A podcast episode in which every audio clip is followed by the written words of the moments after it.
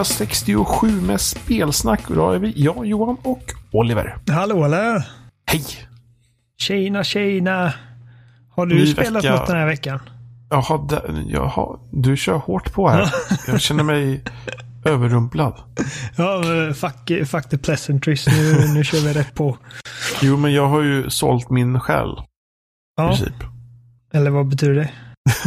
Nej, men Epic Game lanserade ju sin butik för ett tag sedan och började få massa exklusiva spel helt plötsligt. Ja, Och eh, det Folk mycket blev- snack.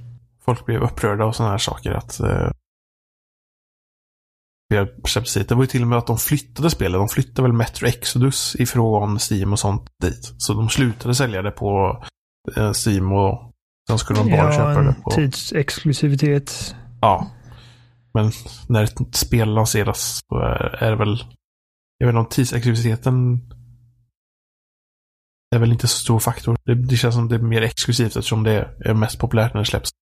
Jo, precis. Det, det är ju i princip en exklusivitet. Men, Ja, så, så jag, fick, jag fick nys om ett spel som heter Satisfactory.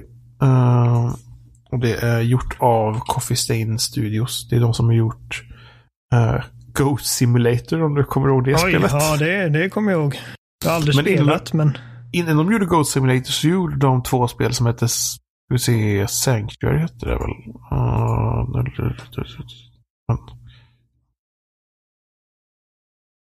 Uh, Sanctum. Hade gjort de två spel som hette Sanctum 1 och Sanctum 2. Som Mm. var ett eh, FPS i uh, Unreal-motorn. Eh, men man hade Tower Defense-spel som FPS. eh, Så okej. man hoppade runt som FPS och hade som en spelplan eller område där man hade som ett rutnät där du kunde placera väggar och på väggarna kunde du placera torn. Så då helt enkelt så tvingar du de här fienderna att springa vissa banor och skjuta med de olika på torn då. Och de här tornen kunde uppgradera och så vidare med eh, en sorts, eh, vad ska man säga, med resurser då som du får när du klarar av runder och så. Mm. Så redan där så gjorde de någon form av konvertering från ett sorts top-down-spel till, eh, till ett FPS. Och sen så flummade de runt lite där med Goat Simulator ett tag som nog blev mer populärt än vad de hade tänkt. Och nu har de då gjort ett spel som heter Satisfactory. Och det är ett spel som påminner om, det har kommit några spel till PC som jag vet, Factorio tror jag det heter och så finns det några andra. Som är att du bygger fabriker i någon sorts strategispel. Så det blir typ som SimCity och de här stadsbyggarspelen. Eller eh, Åh, nu fick jag eh, Railroad Tycoon och de här spelen. Eller transportsimulatorspel och sådär. Ehm, så Jag har aldrig spelat eh, Railroad Tycoon. Jag, eh, Nej, jag gillade men- Rollercoaster Tycoon. Ja. Det var roligt. Men den typen av spel, de här Tycoon-spelen där du på något sätt, eller SimCity-spelen där du ska bygga någonting. Och de här Factorio och andra så här fabriksspel så är det att du har gruvor och så bygger du fabriker i olika steg när du tillverkar olika saker. Ehm, så det de har gjort här är att de har tagit den genren av spel och sen så har de gjort ett FPS av det också. Så du hoppar liksom runt i en värld och bygger stora maskiner som tillverkar saker eller utvinner någon form av naturresurs. Och sen så bygger du en massa eh, rullband överallt då som eh, flyttar de här resurserna som du har tillverkat. Och så kan du trycka in i en annan maskin som tillverkar andra saker med de resurserna. Eh, och så kan du bygga helt gigantiska fabriker som bara gör massa saker. Ah, Satisfactory. Precis! Ah, vad fyndigt. Så de har liksom gjort samma sak igen då som de gjorde med Sanctum då. Att de tog ett koncept och gjorde ett FPS av det. Och det, det känns väldigt likt hur uh, Sanctum beter sig när de hoppar runt och sådär. Och det är väl så konstigt eftersom båda spelarna i uh, Unreal-motorn. Jag har inte spelat Sanctum. Eh, jag försöker liksom visualisera, bara berätt, eh, baserat på vad du berättar, så försöker jag Ja. visualisera hur spelet ser ut och liksom hur det känns. Hur skulle du liksom, finns det någonting du kan jämföra det med förutom Sanctum? Liksom, påminner det om någonting Har, har du annat? spelat Astroneer? Nej, men jag vet vad det är för något. Mm, ja, men det är också, alltså, det, det ser inte liksom, det är inte den grafiska stilen. Nu har mer en verklig grafisk, eller inte riktigt, men liksom mer åt det hållet. Som verklig eh, estetik eller så, då jämfört med Mm. ner. Det är det man kan Ehm. bygga baser och grejer. Mm, så du Ja. bygger liksom olika stationer och sen så kopplar du ihop dem då med rullband. Eh, så du, på ett rullband så kommer det in uh, um, Iron Ore och så kommer det ut järntackor ifrån smältmaskinen och så kopplar du ut band till en annan maskin som gör om det till järnplattor och så. Så du ska liksom bygga på. en, eh, liksom, Ja, alltså det är sån här evig loopspel på något sätt för att man man vill hela tiden bygga större och större maskiner. Och man bygger större och större maskiner för att få resurser för att kunna bygga större maskiner. ja, ja precis. Det där. Men det är liksom ett Bandet, härligt spel. man- Det är liksom ett härligt spel för det, det blir i olika steg så. För att först så placerar du bara ut de här maskinerna på de här, för det är som stora slätter på en eh, planet. För du, man får liksom så att man eh, sitter i en sån här drop, eller vad heter det, droppod, nej vad heter det? Eh, och som en sån här landare i alla fall. Så du sitter i en sån här, och så landar du på en planet Mm, och typ den en är helt tom. Ja, jo, eller så får du helt enkelt börja bygga upp från scratch saker. Och till att börja med så bygger du kanske den här basstationen och sen så placerar du ut de här maskinerna på marken. Och sen mer och mer som man får mer resurser så får man även så man kan bygga golvplattor och eh, så. Så då bygger man en grund och så bygger man liksom som en riktig fabrik i en byggnad istället. Och då kan man liksom bygga på höjden och göra så att de här banden liksom åker uppåt. Och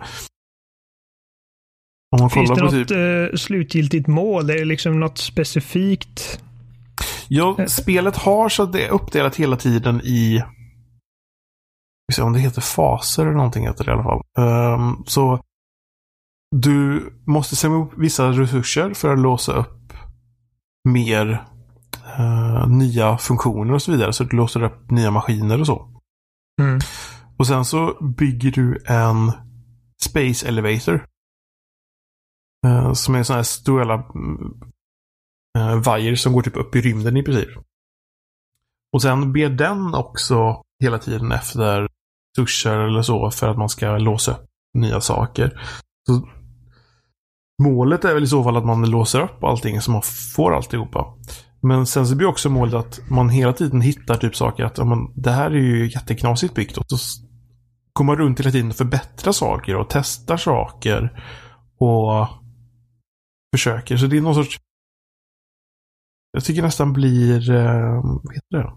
Eh, meditativt på något sätt. Där man hoppar runt där och Mm.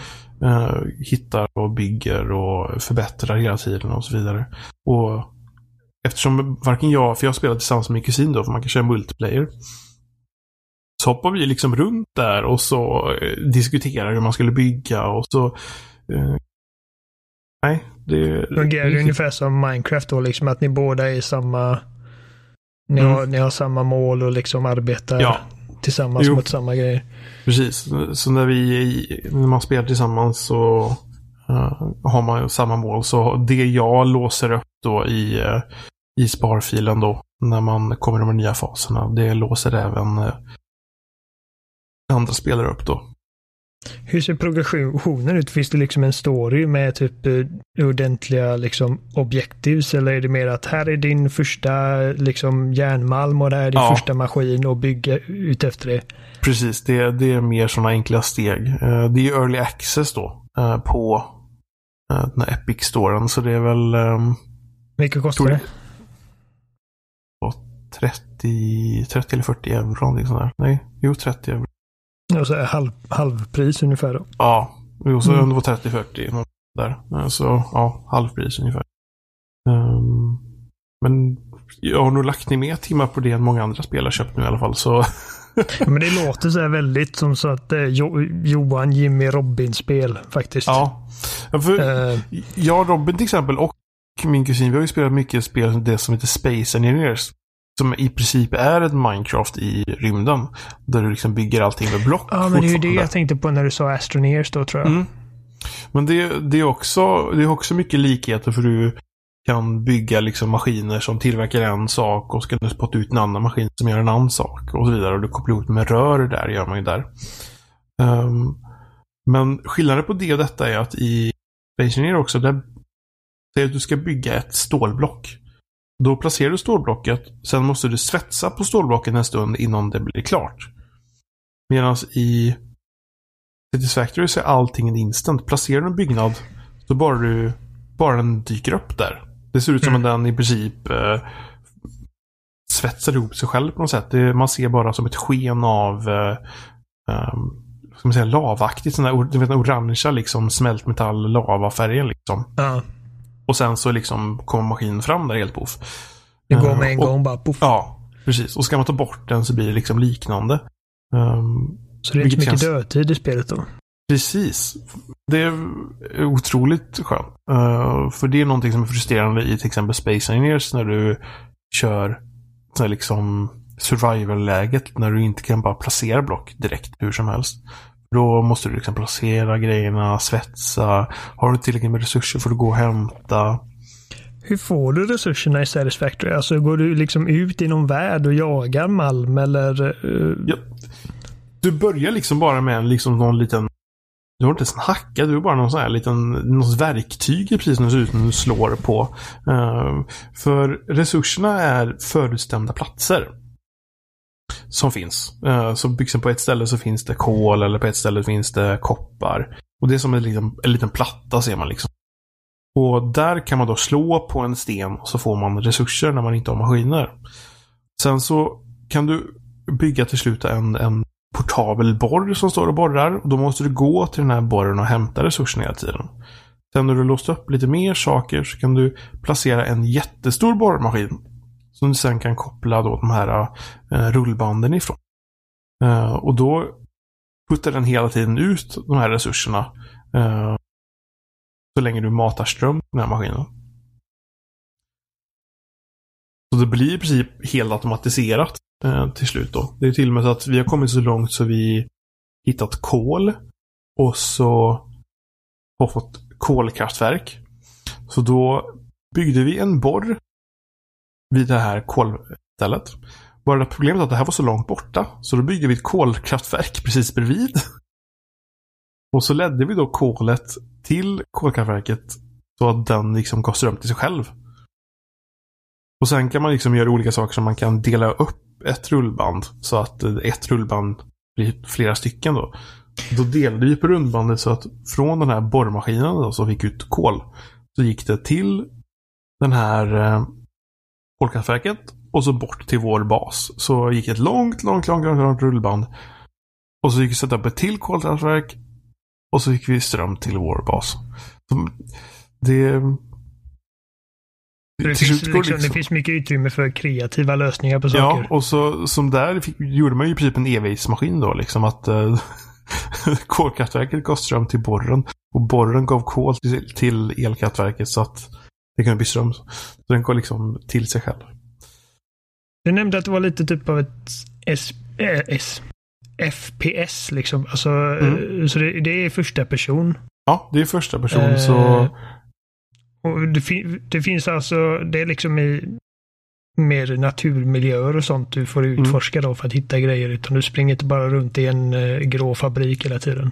Nej, precis. Och det är grönska, liksom gröna, fina öppna miljöer. Det finns olika uh, varelser och uh, djur som springer runt som på den här mm. alien-planeten.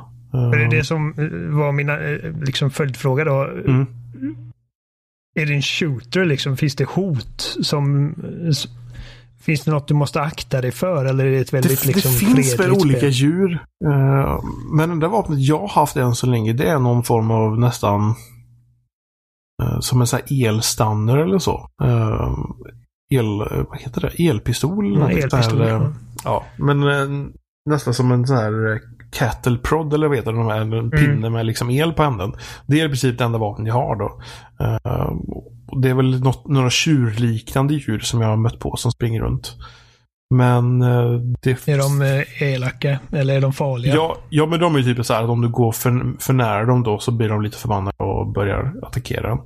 Um, men jag tror att spelet är lite konstruerat på det sättet att det blir värre ju längre ifrån där man börjar. För där man börjar är det väldigt det är grönt, det är, det är inte så mycket djur.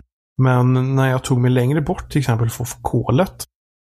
Och jag tror att kolet är liksom strategiskt placerat av de som gjort själva liksom kartan. För kartan är inte slumpmässigt genererad någonting sånt där.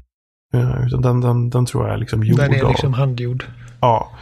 Så kolet är till exempel placerat lite längre bort ifrån uh, där man startar. Och där var det andra djur som var mycket jobbigare som började spotta syra på mig och grejer. Så, det är möjligt att man kan låsa upp några andra vapen och sånt. Och eftersom det är early access också så det är möjligt att de kommer utveckla sådana saker mer. Till exempel som vi pratar på story eller så, så tror jag att de skulle utveckla den delen något också.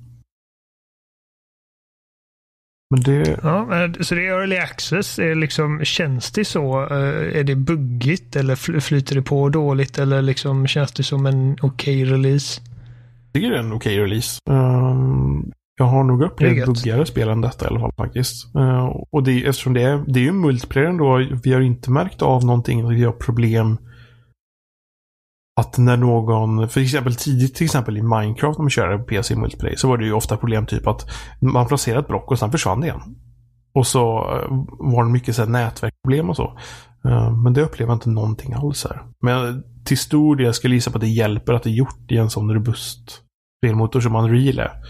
Eh, mm. Plus att de själva har gjort det Sanctum som de gjorde. Det var också multiplayer. Så du kan hjälpas åt att bygga de här uh, Tower Defense uh, historierna. Så jag tror de har erfarenhet av den delen också. Snart göra. Det är svensk studio för övrigt. En svensk studio? Jajamän, Coffee är svenska. Sjöf, ja, de hade jag ingen aning om. Trevligt. Men alltså, jag tycker det låter ganska trevligt, spelet. Ja, men... Kommer nog lägga mycket timmar på det här tror jag. Uh, både jag och Micke har ju spelat mycket Minecraft, Space Engineers och vi började på Astroneers men vi fick aldrig någon, någon känsla för att vi ville komma någonstans i det. Uh, det är ju också i rymden och så är det lite mer cartoonigt och du hoppar runt och mm. samlar resurser och sådär. Uh, men vi, vi kände lite någon driv när vi spelade det spelet. Um, här känner man hela tiden att man, man liksom har de här stegen när man ska låsa upp saker. Eh, och, och för att kunna låsa upp de senare sakerna så behöver man så mycket resurser. Då behöver man bygga någon sorts fabrik som gör liksom alla steg automatiskt. Så du känner alltså att det är, liksom, det är lättare att sätta ut egna mål och så? Att det liksom, mm. att både egna mål och de, de faktiska målen i spelet är också lite mer drivande. Mm. Så nu har vi liksom, vi har flyttat vår fabrik som i princip bara var placerad ute på liksom en, en gräsplätt lite så här slumpmässigt och inte i ordning till faktiskt var det i en byggnad. Uh, så allting blir liksom mer optimalt och sådär. Uh, så då kom man på att flytta det dit och så måste man planera hur man ska dra elledningarna bättre och så blir det hela tiden så här små saker som man förbättrar. Och så. Man förlorar resurser om du river en byggnad som man bygger och sen river den.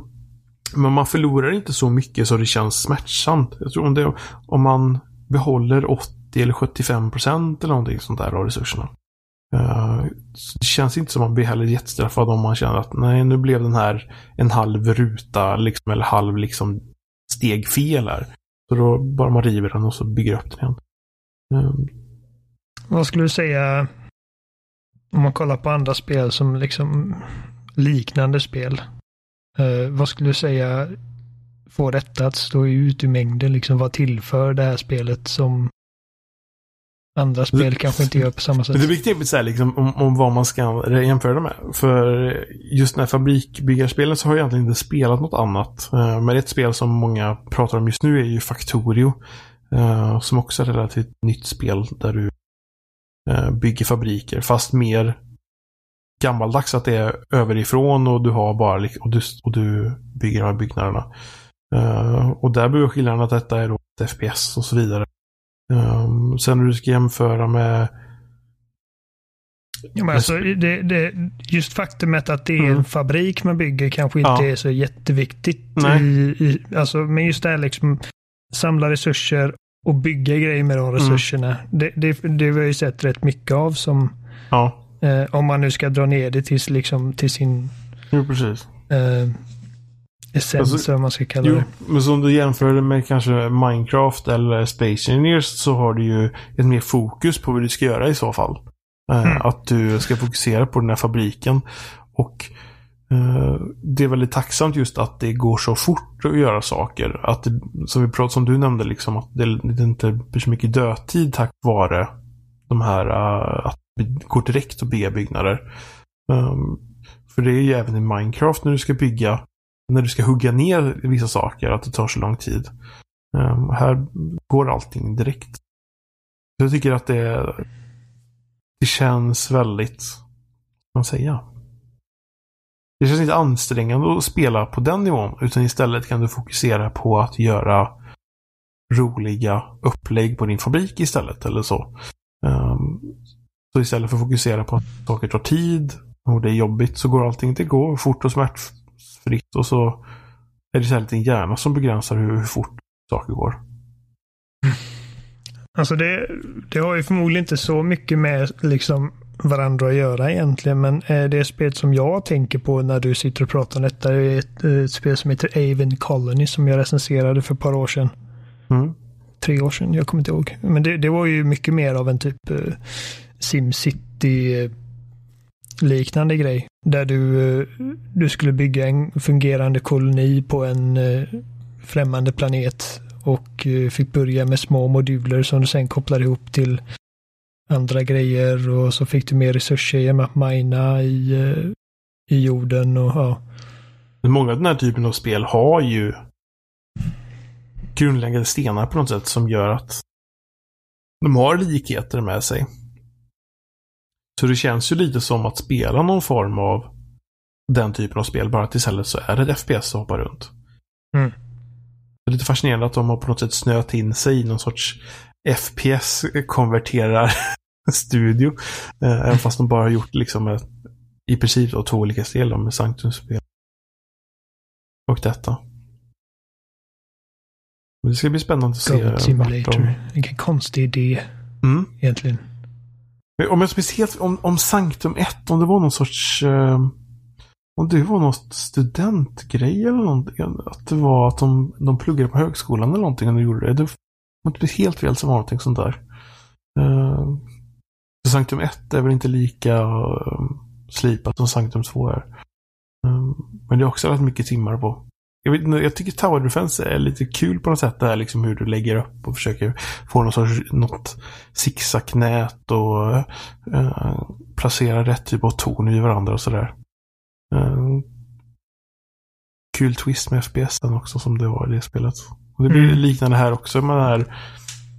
Jag tycker det gör någonting när du istället för att se ovanifrån så är du liksom där nere bland maskinerna och hoppar runt och uh, ser alla de här. För det är även att uh, från en maskin som tillverkar skruvar till exempel, som det finns i spelet. Mm. Så åker liksom små lådor med skruvar på rullbandet som du till och med kan plocka upp och lägga in i inventory ifrån det bandet. Så man ser liksom produkter som går på de här banden. Så du hoppar liksom runt där nere och ser allt. Det är någonting med FPS-grejen som jag tycker faktiskt lägger till med. Jag tycker det, alltså, det låter ganska roligt faktiskt att uh... det, det finns uh, trailern till spelet. Uh, finns säkert någonstans på YouTube eller någonting sånt där. Uh, visar typ så här helt galna fabriker som de har byggt. Eh, men allting som är i den trailern är från själva spelet. Vilket är helt galenskap. Eh, Då ser man liksom någon fabrik de har byggt med massa liksom så byggnader och det går rullband överallt och ingenstans. Det taggar jag på när jag och kusinen lyckas bygga de här gigantiska konstruktioner.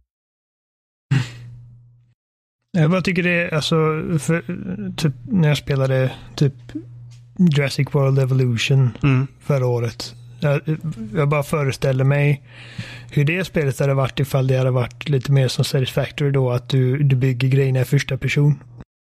Eh, jag tyck, jag tycker den... Det är inte, inte jätterealistiskt, men alltså, jag tror det var jävligt coolt att liksom få se din första dinosaurie komma mm. ut ur där liksom hatcherin och liksom vara ner på marken och se den liksom sträcka sig över trädkronan och För det är en sån här sak som jag man, man på något sätt fantiserar om i omgångar den här övergången ifrån någon typ av strategispel till FPS.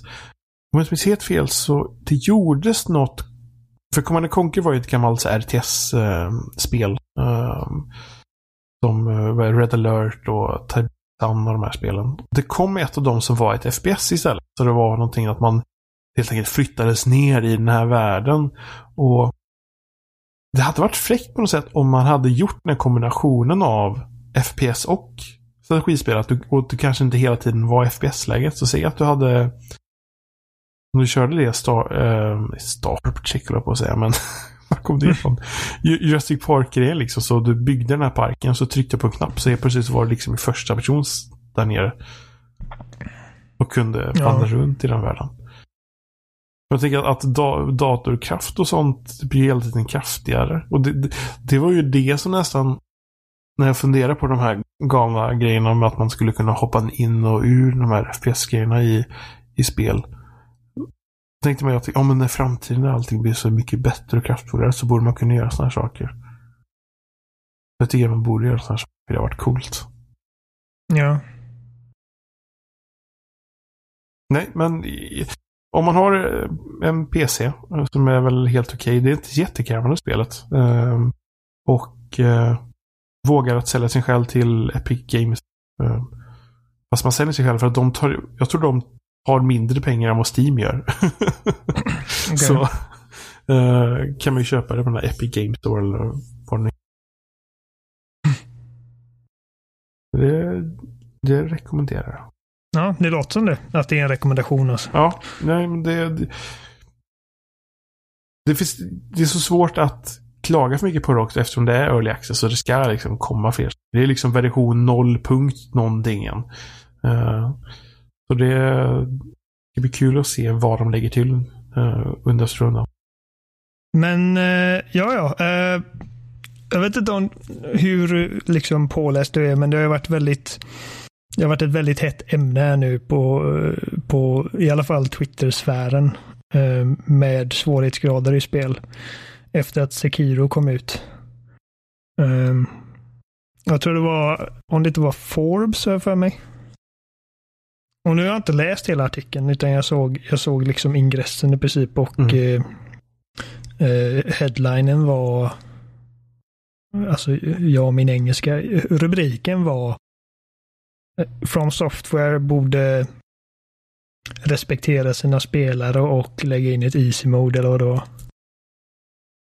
Mm, och min första reaktion till detta, ja, min första reaktion till detta var bara nej, alltså vi bör respektera skaparens vision för vad deras spel är. Mm.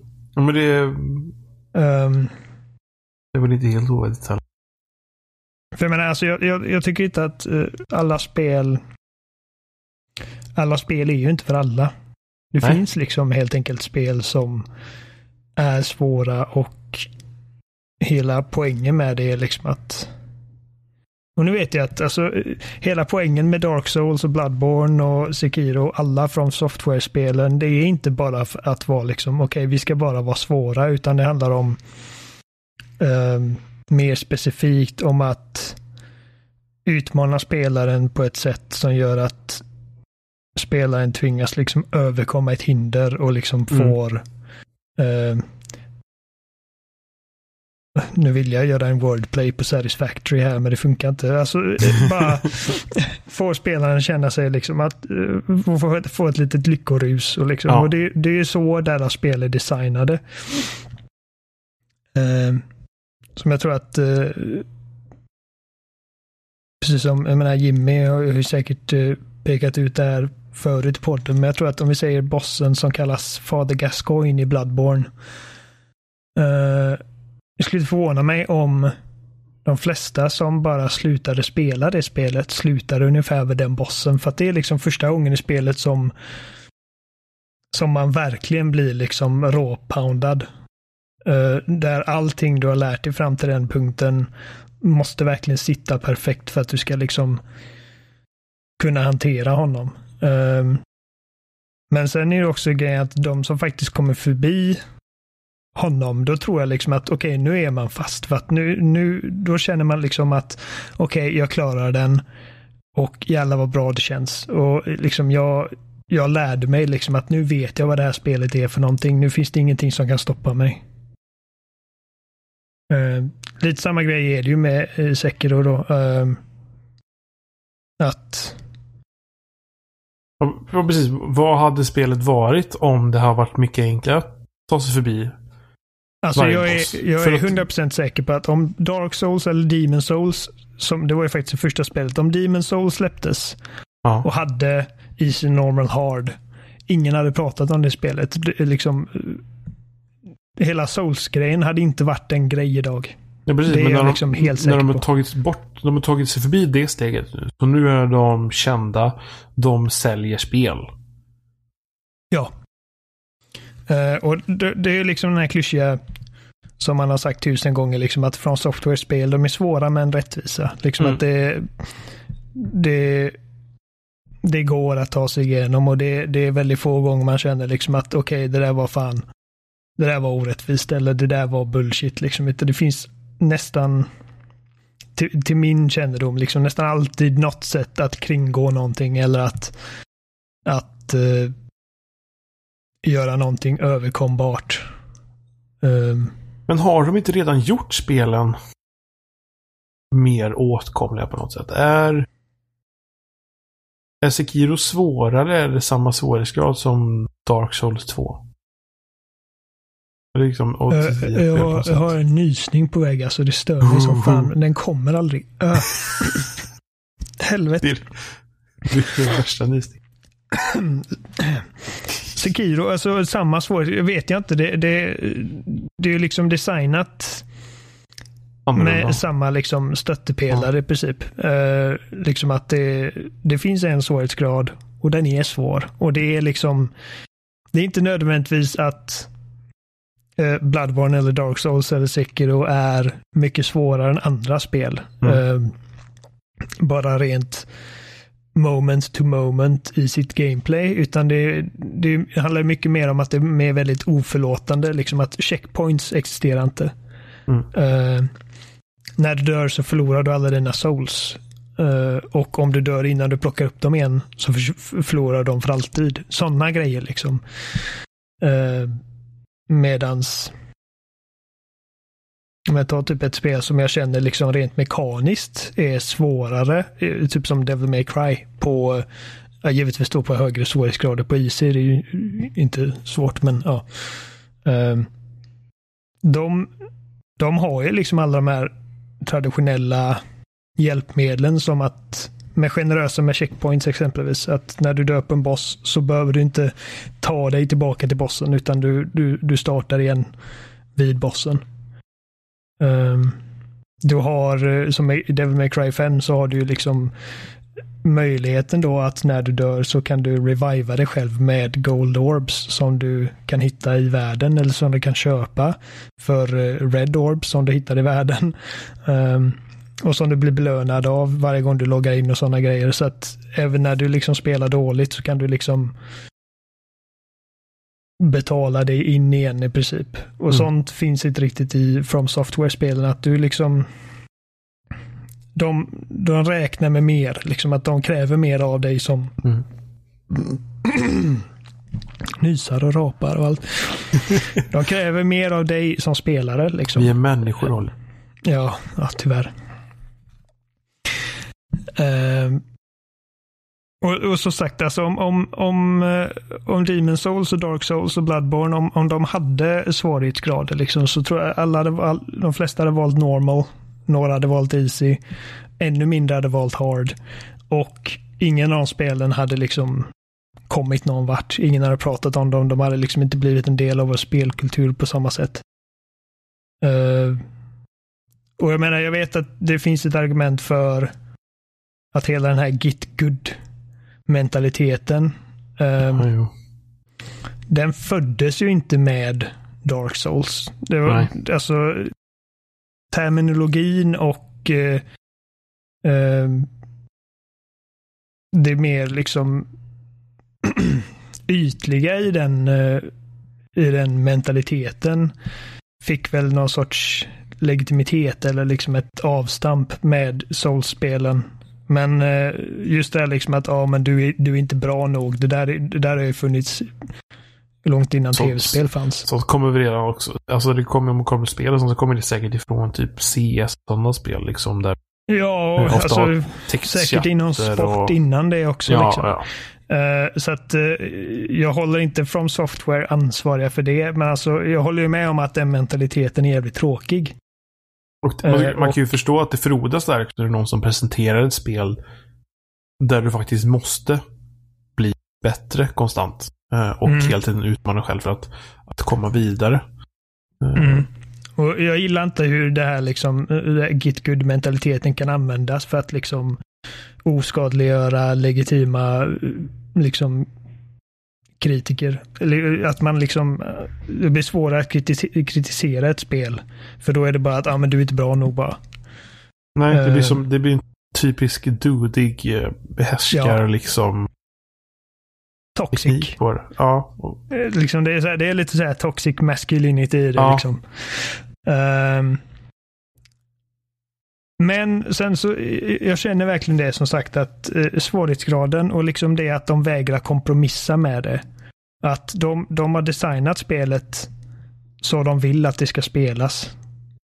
Och det gör liksom att de har ju mycket bättre kontroll över liksom balans och sådana grejer istället för att behöva tänka på svårighetsgrader. Jag tycker att eh, Eh, exempelvis i Devil May Cry 5 så gör de det svårare genom att ge fienderna 800% liv.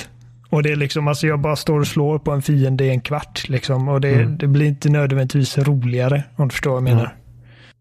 Eh,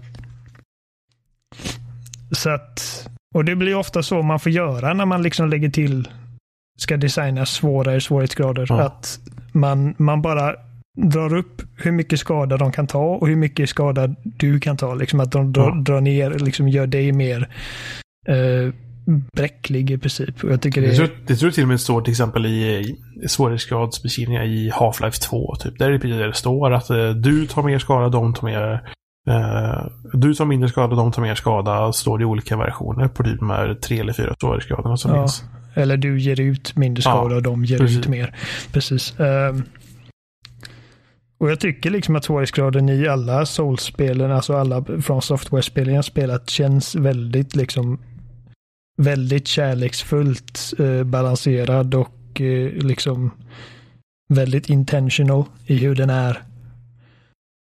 Eh, Men det blir som ett multiplayer-spel. Ju- Ju fler vapen och olika ehm, olika delar du lägger till i, det, i spelet så får du mer så du måste balansera och hålla koll på. Ett spel där du har fyra svårighetsgrader så är det svårare att få alla svårighetsgraderna att kännas på ett visst sätt än om du skulle ha en svårighetsgrad som du finslipar till en sorts perfektion.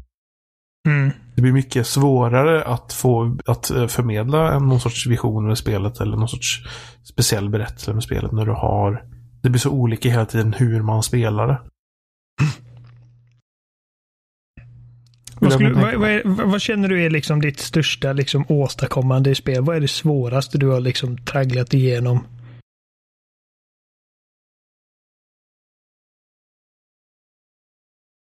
Körde igenom Doom på, inte svårast, eller jo, svåraste som man har initiellt som är upplåst. Nightmare. de upp, ja, precis. Det, det körde jag Inte igenom på den. Ultra Nightmare. Nej, precis. Det Men är på inte den, ens någon på id Software som har gjort det. nej. Eh, men jag, jag körde igenom det på den uh, svårighetsgraden. Eh, och det, Mm. det, eller jag körde igenom på den svårighetsgraden direkt till och med.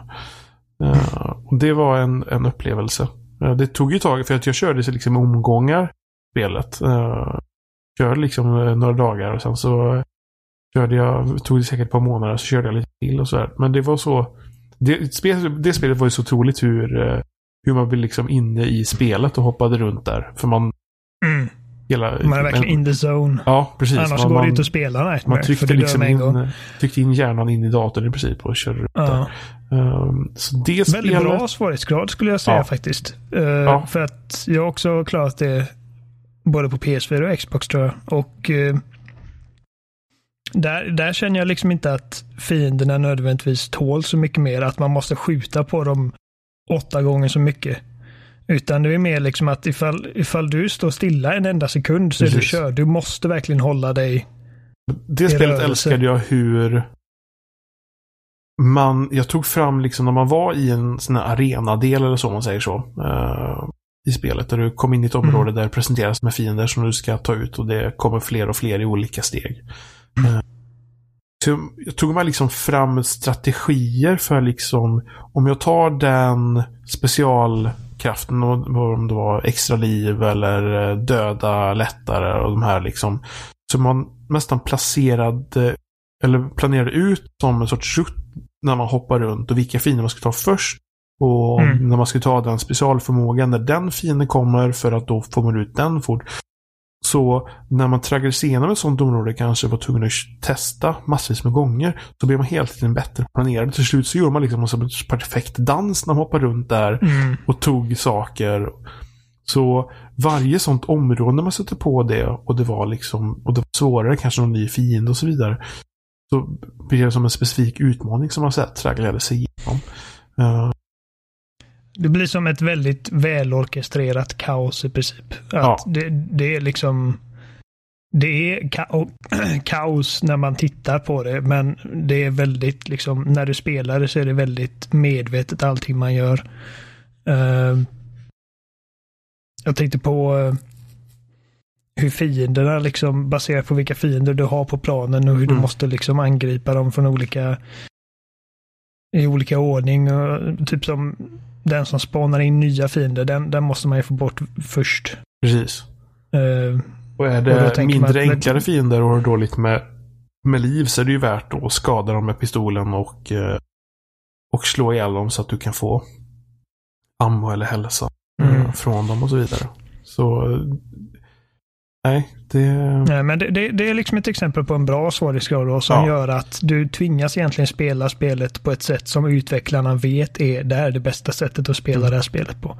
Men Sen, sen kan man vända på det också för att re- relativt nyligen så körde jag igenom Resident Evil 2, eh, remaken.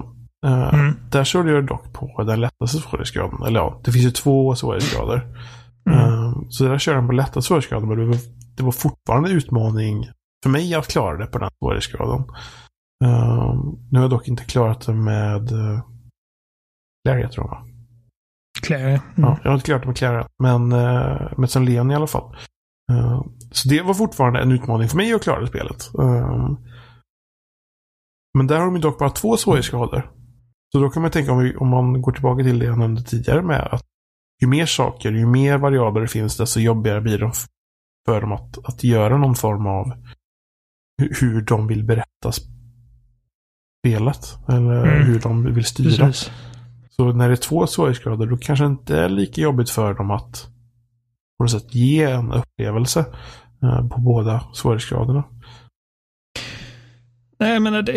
Eh, det är klart att ju fler variabler du har desto svårare blir det. Eh, så är det givetvis. Och eh, när jag såg den här artikeln då så blev Mm. jag jag reagerade ganska starkt. Eh, bara för att liksom, jag känner ju som jag känner och jag känner liksom att eh, de här spelen, de är inte bara bra för att de är så oförlåtande, men det är en väldigt stor del av varför de fungerar så väl. Eh, och jag känner att From Software vet det mer än någon annan, liksom hur deras spel bör spelas. Ehm, men sen såg jag liksom några bra counterargument också. Det var någon som sa att det, det är liksom det här argumentet om att alla böcker och filmer inte är för alla. Det fungerar inte på samma sätt för det finns ingenting som fysiskt liksom um, frånhåller dig att faktiskt läsa en bok, även om den inte är för dig. Nej, Du det, kan fortfarande liksom... det finns faktiskt förenklade versioner av böcker också. Ja, men även exempel. i de fallen liksom när det finns typ som, som böcker ja. eh, som är väldigt avancerade och svåra, svårlästa. Liksom, jag kan ju fortfarande läsa dem. Frågan är mm. för jag förstår dem eller inte. Nej, men sen och så du, är det inte riktigt med riktigt svåra spel. också. Mm. Men det är också ett sätt för att tvänka dem. Men när du... Du måste git good och läsa boken. Uh, ja, nej men alltså det, liksom, uh, en riktigt tuff svårighetsgrad kan ju liksom göra att uh, en, en viss procent av de som potentiellt hade varit intresserade av spelet faktiskt inte kan spela det. Mm. och jag menar, det vanligaste argumentet jag såg var typ att ja, jag är 40 år gammal, jag har barn, jag har inte tid att liksom bli bra. Och det känner jag, det, det, det är inte riktigt, det, det, argumentet håller inte riktigt för mig. För att det är ju liksom samma människor som sitter och spelar Assassin's Creed. Och plockar alla flaggor varje år. Ja. Förmod, förmodligen. Och då, inte för att lägga ord i Jimmys mun, men om det är helt fel så han har även pratat om att han sänker svårighetsgraden för att komma igenom spel och bara liksom ta del av storyn istället. Så, det, ja, det, är väl lite så, det är väl lite så jag känner med vissa spel också. Uh, I alla fall när jag spelade dem första gången. Uh, till exempel Havre 2 har jag spelat massvis med gånger. Uh, första gången jag kör säkert på en lättare svårighetsgrad. Men de senaste gångerna så har jag kört en svårare svårighetsgrad bara för att nu har jag redan spelat det här spelet förra gången och nu vill jag bara ha liksom så det tar lite längre tid att komma igenom. Jo, men jag, jag, känner ju mig själv också att jag, jag håller mig gärna på normal. Uh, dels för att jag vet att uh, spel som jag tycker om väldigt mycket kommer jag, kommer jag spela flera gånger. Jimmy spelar någonting och går sen ofta vidare. Och han spelar så sinnessjukt mycket så det... Ja, han har, inte han har inte råd att lägga liksom mer tid än, än nödvändigt på varje spel. Ehm, Precis. Men jag, jag är liksom ökänd för att lägga Alltså ofta lägger jag liksom hellre tid på grejer som jag vet. Som förra året. Jag spelade inte så mycket nya spel förra året. Jag spelade massa gamla spel. Mm. Uh, och många gånger, jag, menar, jag drog igenom hela Batman Arkham-serien en gång till. Liksom, och jag har klarat de spelen säkert fyra, fem gånger förut. Uh, jag bara gillar att spela om spel. Uh, som jag tycker om. Och om jag då spelar ett spel så börjar jag på normal och om jag då tycker liksom att okej, okay, men det vill jag spela om, då kör jag det på hard någon gång. Um, men jag känner bara att hade typ Bloodborne haft Easy Normal Hard, jag hade valt normal och jag hade tagit mig igenom det utan större problem och jag hade inte tänkt så mycket mer på det. Och då hade jag liksom berövats av den upplevelsen. Um, nu finns det i och för sig, det finns ju grejer man kan göra i, inte så mycket i Sekiro, men i, i typ Dark Souls och även Bloodborne. Så dels har du liksom att uh, du kan kalla in en co-op-partner när du vill i princip. När du, när du hamnar på en boss som du tycker är liksom extra jobbig. Och jag vet att Jimmy gjorde det. Han tog sig, jag vet inte hur många av bossarna han tog sig igenom själv, men eh, jag känner mig ganska bekväm med att liksom göra en estimate på att han tog kanske en tredjedel eller hälften av bossarna med co-op-hjälp. Och det gör ju saken väldigt mycket lättare. Uh, sen finns det vissa grejer man kan göra i Dark Souls med liksom builds och var man lägger sina skill points. Så att man då kan uh, lägga uh, grejer på spells och sånt som gör att du kan, du kan heala dig själv och, mm. och anfalla från längre avstånd. Så att de har liksom lagt in små grejer som du kan göra för att göra det lättare för dig inom liksom ramverket som är den bas eh, grundläggande eh, svårighetsgraden. Nu är det inte riktigt så, så i Sekiro. Där behöver du verkligen liksom spela det på ett sätt som de själva eh, ja, pekar ut för dig i princip. Du, du, du, du måste bli bra på att liksom deflektera attacker och grejer. Mm. Lyckligtvis är det så jag spelar Dark Souls och Bloodborne redan. Och det är mitt favoritsätt att spela de spelen på. Så att Sekiro känns nästan som, som skräddarsytt för mig. Men eh, så är det ju inte för alla givetvis. Och jag börjar tänka på om vi tar Devil May Cry 5 som ett liksom färskt exempel. Eh, där har du ju givetvis normal och hard och alla de här grejerna. Men utöver det så har de också liksom ett vad kallas det? Jag tror det heter assisted mode. Som gör att spelet bara lobbar fram några av spelets mest avancerade kombos utan att du egentligen behöver göra dem. Du behöver bara trycka på massa knappar och så blir det bra grejer liksom. Uh, och det ser jag ju liksom lite mer som en accessibility-grej snarare än en svårighetsgradsgrej. Även om de är väldigt hand i hand om du förstår vad jag menar. Ja. Jag uppskattar väldigt mycket liksom sådana grejer som Spiderman var bra på det förra året. Att de la till accessibility options eh, som att istället för att hamra på knappen i vissa quicktime eh, events så räckte det med att du höll in knappen för att det finns ju liksom folk som kanske har skador på händerna eller någonting som gör att de inte kan hamra så snabbt. Ja, precis. Man kan liksom göra spelet uh, annat men inte de sakerna. Ja. Det är vettigt att ha sådana saker. Så jag kom ju fram till det att liksom jag var väldigt liksom nitisk och elitistisk när det kom till när någon liksom föreslog att från software måste lägga till easy mode i deras spel. Annars respekterar de inte sina spelare och då blir jag bara nej, fuck off liksom. Men sen började jag tänka mer på det och då tänkte jag, jag är väldigt för accessibility options liksom. Men, jag menar?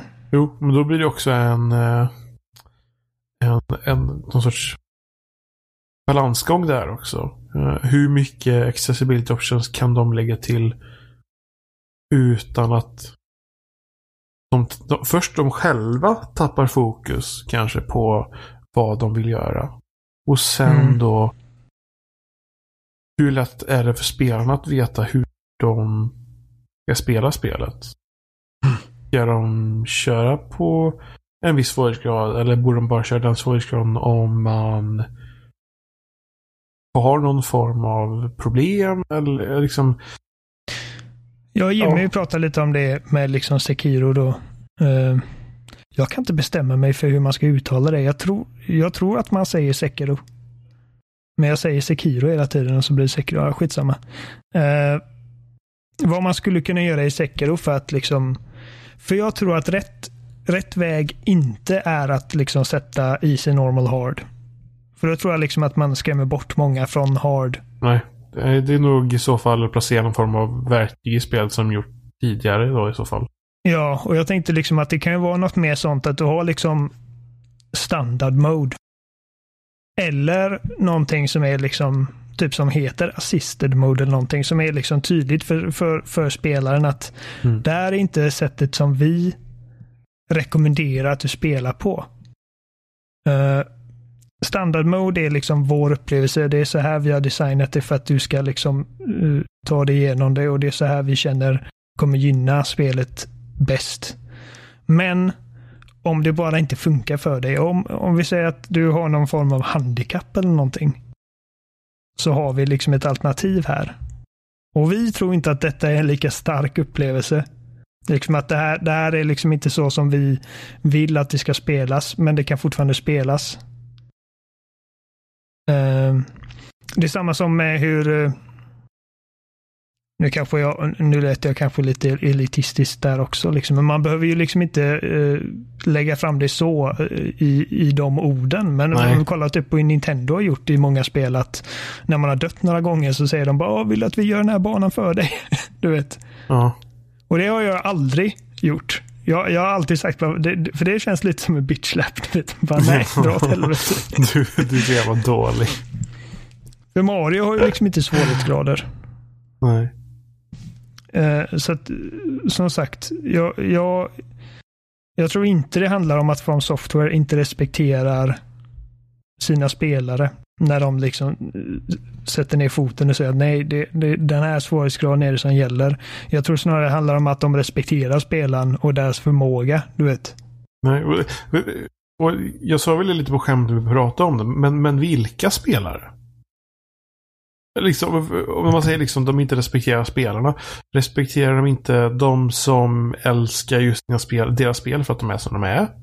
Uh, respekterar, eller, och, de, respekterar de inte alla spelare bara för att de gör som de gör? Eller respekterar de inte de som har eh, någon form av handikapp som inte skulle kunna göra att det finns någonting i spelet som inte att de kan klara av det. Det blir så stort på något sätt när de säger liksom att de respekterar inte spelarna de inte liksom lägger. För det, det är inte så lätt att bara ta den svepningen, tycker jag. Nej, uh, nej precis. Och jag, jag, ska inte hänga upp mig för mycket och liksom snacka skit ur den här artikeln eftersom att jag inte har läst den. Uh, men eh, jag menar, jag, som sagt, ett av de vanligaste argumenten jag såg var liksom att respektera min tid, du vet. Ja. Men som sagt, jag, det håller inte för mig för att det finns så många spel som slänger bort din tid med meningslösa sidequests och eh, liksom alltså, i princip alla moderna open world-spel som släpps ja. idag. Ja, men det, alltså, det, liksom finns, det finns så av... sjukt mycket spel överhuvudtaget så att du kan liksom välja det spelet som passar dig. Du måste inte ta köpa det här bara för att du tycker det ser coolt ut och så visar det sig att nej men vänta nu, jag klarar inte av att spela det här. Speciellt i, en, speciellt i en värld som idag när du kan läsa om spel, du kan se videos om spel, du kan innan du köper spelet. Du måste inte förboka, du måste inte köpa det direkt. Du kan kolla lite om men det här kanske inte är någonting för mig för det här verkar alldeles svårt. Det här, jag kan inte lägga ner så mycket tid uh, på ett spel. Nej, och jag, jag, känner ju då främst för människor som har någon form av handikapp som gör det svårt för dem. För att det kanske är någonting men, säg mig då, som jag älskar liksom Bloodborne, jag älskar Sekiro, jag älskar Dark Souls 3 eh, och, och 1. Om jag nu skulle vara med i en olycka imorgon och krossa mina händer. Jag hade ju tyckt väldigt mycket synd om mig själv. Du vet, för nu kan, ja. jag spela, Nej, nu kan inte jag spela detta. Trots att jag, det är spel för mig. Eh, och jag, jag vet liksom att förut så kunde jag spela de här spelen, men nu går det inte. Och då hade jag säkert uppskattat någon form av liksom accessibility uh, options. Uh, men det, det, är liksom de här människorna som sitter och säger liksom att Nej, men jag har inte tid att bli bra på de här spelen. Du vet, alltså helt normala människor uh, som liksom alla gånger bara hade kunnat klara de här spelen bara de liksom, liksom hängav sig. Du vet. Mm. Det, det är den skara människor som jag känner, ja, men ifall inte du ifall inte du vill liksom lägga den tiden på att lära dig det här spelet och bli bra på det. Alltså bara tillräckligt bra för att liksom komma förbi det. Uh, gå vidare till någonting annat då. Ifall, eh, liksom, ifall du hellre slösar hundra timmar på att jaga fjädrar i Assassin's Creed än att ligga liksom 50 timmar på att klara Sekiro. Mm. Gör det då istället. Um, Precis. Och sen liksom, jag, jag, jag förväntar mig inte att jag ska liksom bli pokerexpert. Bara sådär. Jag, jag, jag förväntar mig liksom inte att, att kortspel eller schack ska bli lättare. Bara för att jag vill att det ska bli lättare. Jag har inte tid att lära mig att bli schack, schackexpert. Förstår du vad jag menar? Nej, nej. Det är eh, och jag menar, okej. Okay. Alla spel är inte för alla. Eh, och det är den här parallellen jag drog med film och spel, liksom, eller film och uh, musik också. Uh, att det finns ingenting som fysiskt hindrar dig från att liksom ändå ta del av det. Men hur, hur, hur gör man när det blir liksom ett multiplayer-spel då? Hade, om, om Sekiro hade varit ett multiplayer-spel som var väldigt svårt. Då är man ju fortfarande fucked för att man kan ju liksom inte ge någon som bara inte har lust att lägga ner tiden på att bli bra på det ett, ett liksom övertag. Där finns det i och för sig liksom grejer man kan, man kan ju liksom lägga typ uh, matchmaking system som ja. matchar ihop det med uh, med liksom likartade ja, spelare. Precis. Men om man kollar, om du plockar upp liksom Halo 5 idag så blir det svårt att hitta folk som är som är alltså, samma nivå. Liksom, ja, eller typ CS. Det, mm. det, alltså, det måste ändå vara det är ja, men... en väldigt etablerad serie. Liksom, att de som fortfarande spelar CS gör det väldigt mycket. Men där har de också brottats med den grejen.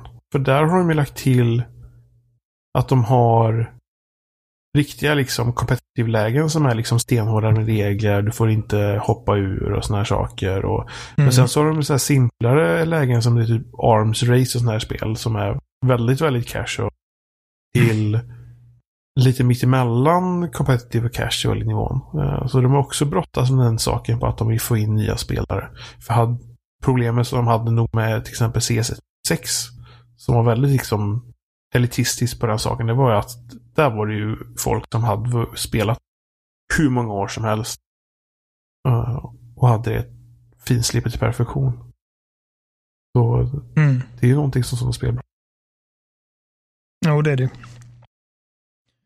Uh, men i slutändan, alltså jag, jag, jag, känner ändå att det är helt och hållet utvecklarnas uh, rättighet att liksom släppa det precis som de vill. Jag känner inte att från Software är skyldiga någon någonting. Eh, eller någon annan utvecklare heller för den delen. Eh, Sen kan man ju givetvis, jag menar, alltså människor är ju fria till att kritisera det också och liksom säga nej men då är det, då skiter jag i det här spelet men det är liksom eh, jag kommer nog alltid vara den, eh, den typen av människa som känner liksom att ja, men det, det är skaparens liksom vision. Och eh, du får gilla det eller inte. Liksom det, det är din grej.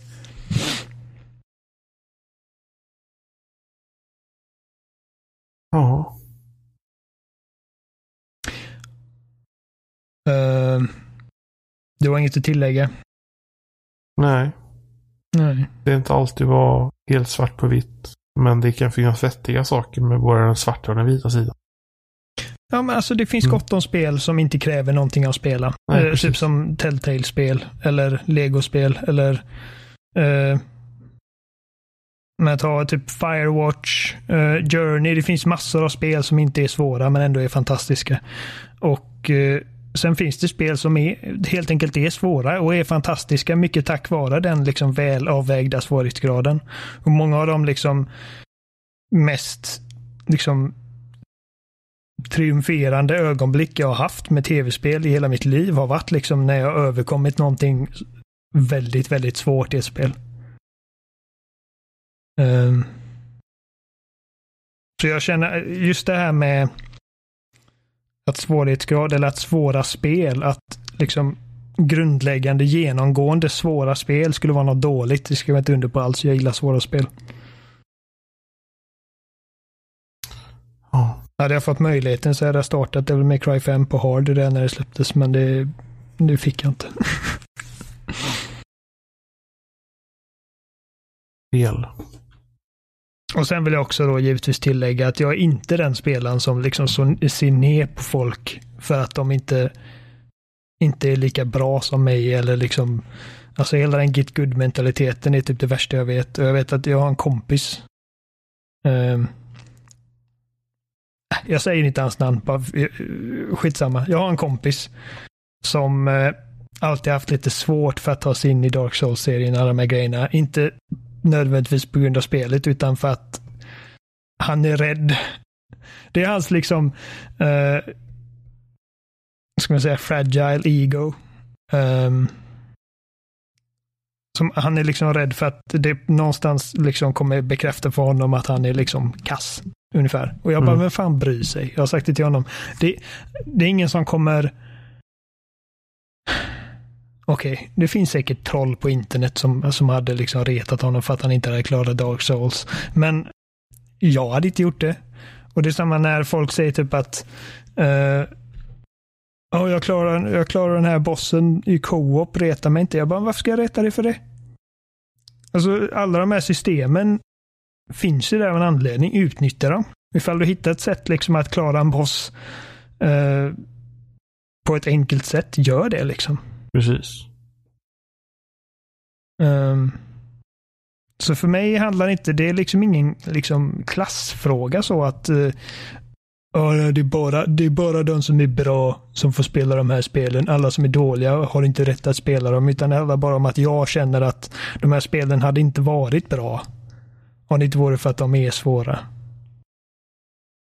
Att de inte utmanar dig liksom.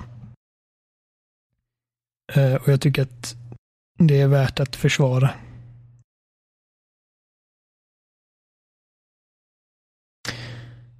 Men det var väl allt vi hade för den här veckan.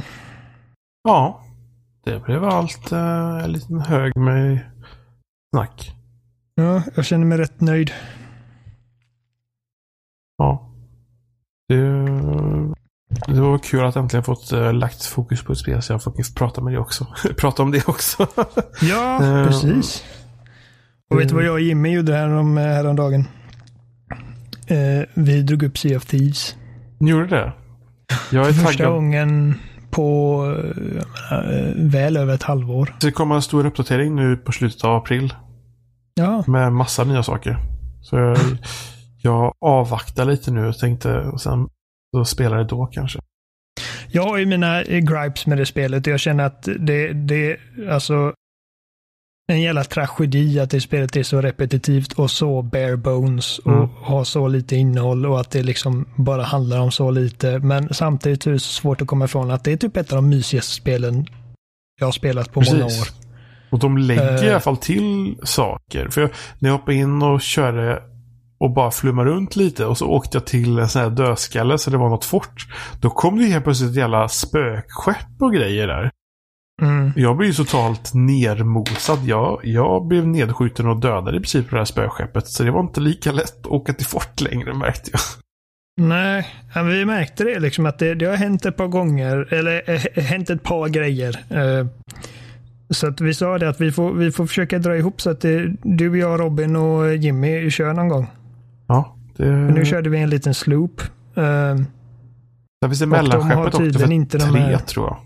Ja, jo, men det har funnits ett tag. Uh, sloopen får dock inte roddbåten. Uh, ja, just det. Man... Det finns ju roddbåtar nu. Ah. Fan vad gött va? Äh, vi, vi, vi måste sätta oss med ja. Sea of Thieves någon gång. Eh, men vi, som val, vi finns som vanligt på spacesnack.com. En liten länkar till de flesta ställena där ni kan lyssna på oss. Ni får gärna skriva till oss via mail kontakta spelsnack.com eller förnamnet spelsnack.com. Eh, eller så får ni skriva på alla ställen där vi dyker upp som på loading. Ni kommentera i tråden för varje avsnitt eller på Twitter. Eh, ni kan twittra oss spelsnackpodd. Finns även var för sig på Twitter med ett Oliver Thulin, ett Johan Folsson, ett Seppala 13 och ett Spelpodd. Spelsnackpodd. Ja, jag vet ju det givetvis. Spelpodd är ju helt... Ja, Spelpodd. nej, spelsnackpodd. Ursäkta mig. Spelsnackpodd. Ja, så hör gärna av er. Så hörs vi igen om en vecka. Ja, vad tycker ni om svårighetsgrad i spel? Precis. Gillar ni svåra spel? Eller vill ni också bara... Hatar ni liksom... svåra spel? Ja, precis. Skriv till oss. Hej. Hej.